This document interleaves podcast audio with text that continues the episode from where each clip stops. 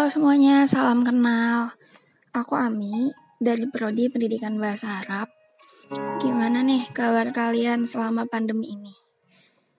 Aku harap kalian tetap sehat, tetap bahagia, dan tetap bisa beraktivitas walaupun ruang dan gerak kita lagi terbatas. Pada kesempatan kali ini, aku mau bahas sedikit tentang menghargai perbedaan.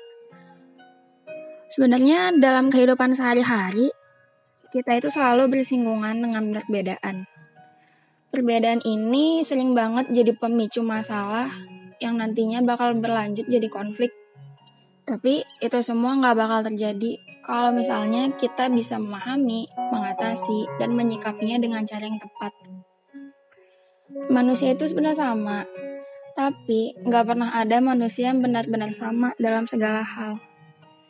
Wajah yang mirip, hobi yang sama, atau bahkan ikatan batin yang kuat pun itu tuh nggak menjadikan kita sama dengan mereka. Begitupun sebaliknya. Kita berbeda, dan perbedaan-perbedaan yang kita miliki ini sebenarnya adalah harmoni yang membuat hidup kita itu lebih berarti. Dalam perbedaan, tersimpan arti yang pantas untuk dia mengerti.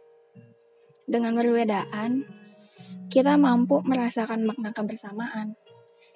Sehingga kita bisa memahami bahwa perbedaan adalah alasan untuk sebuah pengertian.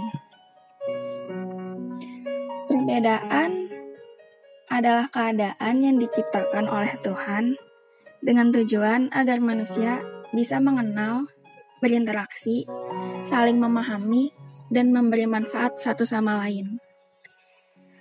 Memahami dan menyikapi perbedaan memang tergantung pada cara pandang kita terhadap perbedaan tersebut. Kalau kita memandangnya dengan sebagai sebuah ancaman, maka perbedaan itu akan jadi masalah yang sulit diatasi.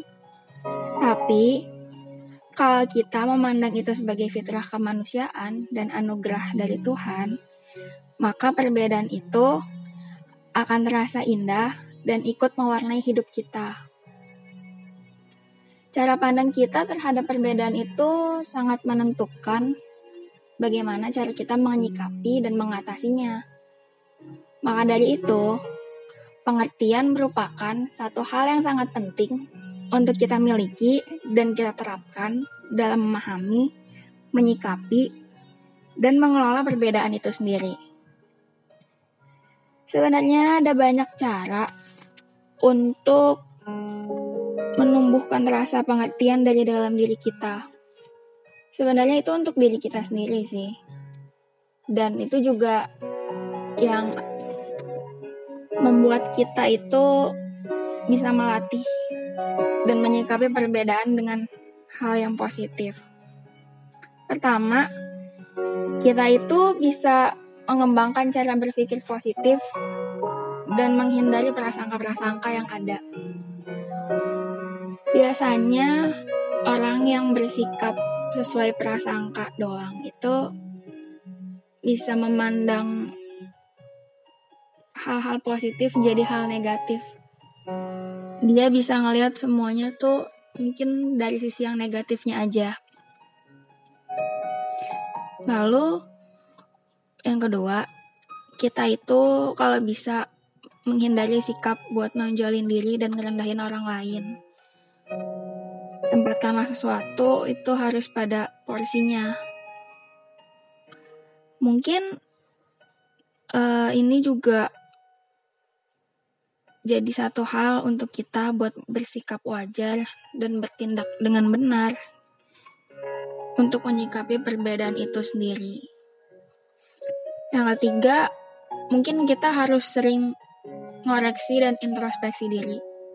Juga nggak cepat menghakimi orang lain kita harus nyari tahu kebenaran dari sebuah hal secara objektif.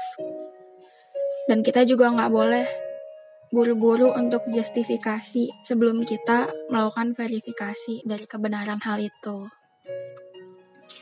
Selanjutnya mungkin kita bisa meningkatkan kepekaan diri kita ke orang lain. Karena dengan kepekaan itu kita bisa peduli terhadap orang-orang dan keadaan di sekeliling kita. Yang terakhir, jangan lupa bersikap sabar, tulus, toleran, juga tegas. Sikap-sikap ini mungkin jadi satu esensi dari pengertian dalam menyikapi perbedaan yang ada. Tegas itu nggak identik dengan keras, tapi mampu menempatkan kebenaran pada porsinya. Sekian dari aku. Terima kasih banyak udah mau mendengarkan. Dan semoga apa yang udah aku bilang tadi bisa bermanfaat buat kalian. Sampai jumpa dan semoga kita bisa bertemu di kesempatan yang lain. Dadah. thank you